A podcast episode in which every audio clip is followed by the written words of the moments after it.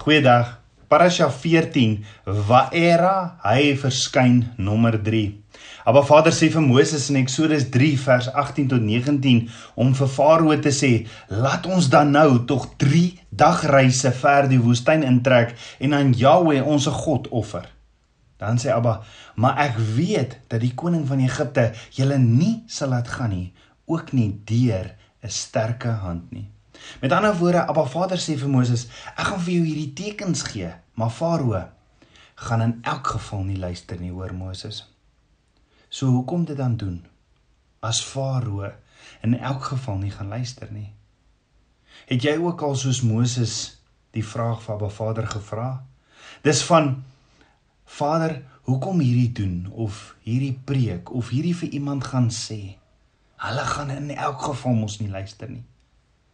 Dalk was dit die rede hoekom Moses vyf verskonings gehad het en getwyfel het om die kinders van Israel uit Egipte te gaan uithaal. Want ag Vader, al gee U vir my 10 tekens, Farao gaan ons in elk geval nie luister nie. Dink daaroor. As jy soos Moses doen presies wat wat Abba Vader sê en vir iemand iets gaan sê en hulle glo jou nie, hoekom dit doen? Wat is die nut daarin? Inteendeel, Abba Vader gaan verder en hy sê in Eksodus 7 vers 3 en ek sal Farao se hart verhard en my tekens en wonders in Egipte land vermenigvuldig.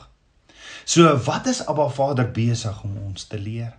En is dit dan dan regtig Farao se skuld as Abba Vader sê hy gaan Farao se hart verhard? Abba Vader sê in die King James, I will harden his heart. Die woordjie harden is die woordjie gasha in Hebreëus wat beteken sterk wil en om vas te staan en om hardkoppig te staan in wat jy glo. Met ander woorde wat Abba Vader vir Moses sê is, weet jy wat Moses? Ek het vir Farao oorgegee aan sy eie hardkoppigheid. En weet jy, hy gaan nie vir jou luister nie. So moet jy nie daaroor bekommer nie.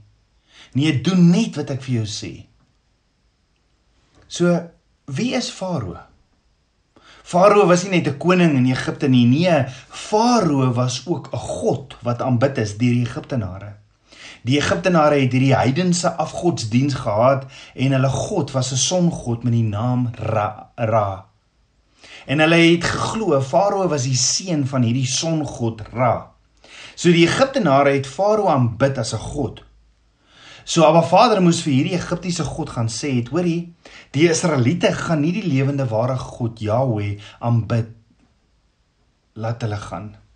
Dis wat eh, so, so Moses moes vir hierdie Egiptiese god gaan sê het, hoorie die Israelitiese, die Israeliete gaan hierdie lewende ware God Jahweh aanbid. Laat hulle tog gaan. So dis asof Moses weet, hy gaan nie sommer net vry uitstap as hy dit vir Farao sê nie. Farao gaan eers ontplof. Daarom die twyfel in Moses net hy eers verskonings gehad, is dit nie? Let wel Jakobus 1:6b sê hy wat twyfel is soos 'n golf van die see wat deur die wind gedrywe en voortgesleep word, gesweep word. Moses weet egter daar is gevolge as hy dit doen. Hy weet want hy het vir 40 jaar groot geword in die paleis van Egipte. Hy ken Hy weet hoe werk die Farao se autoriteit. En dit gaan Farao verseker aanstoot gee en beledig. Dis hoekom Farao vra: "Wie is Jahweh wat hulle wil gaan aanbid? Ek is God." Dis van neem kom ek wys julle wie is God in Egipte. En vat dan al hierdie strooi weg dat hulle hulle eie strooi kan gaan optel om die bakstene mee te bou. Wat gebeur toe met die kinders van Israel? Hulle is briesend. Hulle is kwaad vir Moses en Aaron en sê toe vir hulle in Eksodus 5 vers 21: "Mag die Here op julle let en oordeel omdat julle ons gehaat gemaak het in die oë van Farao en in die oë van sy dienaars sodat julle 'n swaard in hulle hand gegee het om ons om te bring." Met ander woorde Moses en Aaron het net gekom om ons dood te maak. So vir die wat Moses gekom het om te verlos, het teen hom gedraai. Klink dit bekend? Tabernakelskind van Abba. Ja, dit klink soos 'n koning wat wat ek ken. Wat ook gekom het om te verlos en te draai sy eie mense teen hom. So Abba Vader begin toe met Moses te praat oor die pla wat hy gaan uitstuur en hy en en en het jy dalk ook al soos ek gewonder? Hoekom het Abba Vader 10 pla gestuur? En nie net soos met Sodom en Gomorra engele gestuur om die regverdiges te gaan red nie. En dan hoekom stuur Abba Vader onder andere paras en nie nie sommerlike wane nie. Aanvanklik in Eksodus 3 vers 20 sê Abba Vader vir Moses en ek sal my hand uitstrek en Egipte met al my wonders tuister wat ek daarin sal doen en daarna sal hulle julle laat trek. Nou wonders in Hebreëus is pala wat beteken to separate for all to distinguish. So wat is Abba Vader besig om te onderskei? Of hoekom praat Abba Vader nog met Farao en red hy nie net die volk van sy met sy engele nie? Hoekom gaan Abba Vader deur al hierdie moeite met hierdie pla? Miskien is Abba Vader in die pla besig om sy eie kinders te leer wie is die ware lewende God. Miskien is Abba Vader besig om met dieper dinge binne in die kinders van Israel wat oor die 400 jaar nou in Egipte gebly het te werk. Miskien is hy besig om sy kinders meer en meer van hom te leer sodat hulle nie in hom twyfel nie. Want sien reg deur Eksodus. Op verskeie plekke sê Abba Vader, dan sal hulle sien dat ek die een ware lewende God is. Maar hoor gou, buiten dat die Egiptenare vir die songod en Farao aanbid het, het hulle ook natuurlike gode gehad. Hulle het geglo hierdie natuurlike gode het beheer gehad oor die natuur.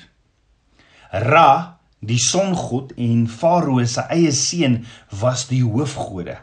En dan al hierdie ander natuurlike gode. En elkeen van hierdie gode was dan in beheer oor sy gebied. Daar was oor die 80 gode en hulle het geglo as van hierdie gode te mekaar gebots het oor 'n gebied en die een verloor, was hy dan onmiddellik onken as God, want hy het mos verloor. Dan ook volgens hierdie Egiptiese heidense afgodsdiens is daar geglo 'n slaaf het nie 'n god nie. 'n Slaaf was juis iemand wie se god vernietig is. Een van die gode wat die botsing verloor het teen 'n ander god en daarom is hulle ook slawe.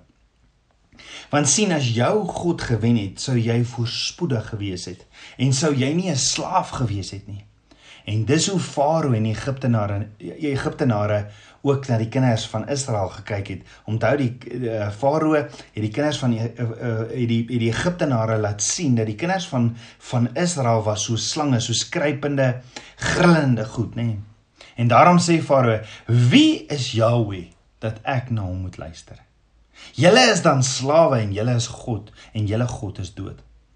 Daarom ook Farao se reaksie van vir wat wil julle 'n ander god gaan aanbid? Ek is die magtige God. So tabernakels kind van Abba. sien jy wat is Abba Vader besig om te doen? Wat is Abba Vader besig om om vir sy kinders asook vir my en jou te leer? Abba die groot ek is, is op die punt om die gode van Egiptenare te verneder. 'n Botsing gaan plaasvind en dan sal daar gesien word wie is die enigste ware lewende God. So Abba Vader sê vir Moses in Eksodus 7 vers 15 tot 18: "Gaan môre vroeg na Farao toe, na Farao toe. Kyk, hy sal uitgaan na die water, staan dan aan die kant van die Nyl om hom te ontmoet." en neem die staf wat in 'n slang verander het in jou hand en sê vir hom die Here die God van die Hebreërs het my na u gestuur met die boodskap laat my volk trek dat hulle my kan dien in die woestyn maar kyk u het tot u het tot nou toe nie geluister nie so spreek die Here. Hieraan sal jy weet dat ek die Here is. Kyk ek sal met die staf wat in my hand is op die water slaan wat in die Nyl is en dit sal in bloed verander word. En die visse in die Nyl sal doodgaan sodat die Nyl sal stink en die Egiptenaars sal vergeef vergeefs trag om die water uit die Nyl te drink. Nou eenmal 'n een jaar het die Nyl oorstroom en dan het dit hierdie bemesting gebring vir die lande waar die Egiptenare se plantasies geplant was. So die Egiptenare het dit gesien as hierdie seëninge van hierdie God wat beheer was oor die Nyl, naamlik Apis of Isis, die god en godin van die Nyl.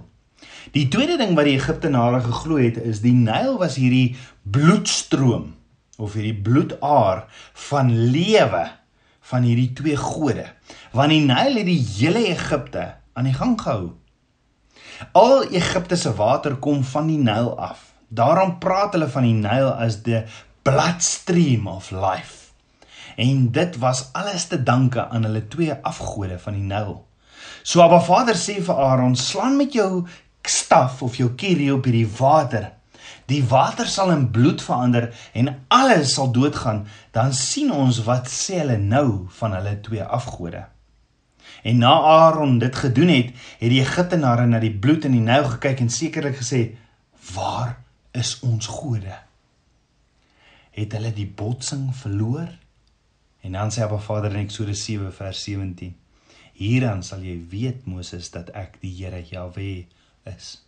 So wat sal dit beteken as hulle sê Jahweh is God? Hulle sal erken hulle afgod het verloor. Hulle afgod is dood. Hy bestaan hierdie afgod van die Nyl. Dis ook hoekom Abba Vader sê Farao se hart sal verhard want hy gaan nie wil verklaar Jahweh is die enigste lewende God nie. En dan sê Eksodus 7 vers 22, maar die Egiptiese towenaars het dieselfde gedoen met hulle towerkunste. So hoekom sal Farao se towenaars dieselfde dan doen?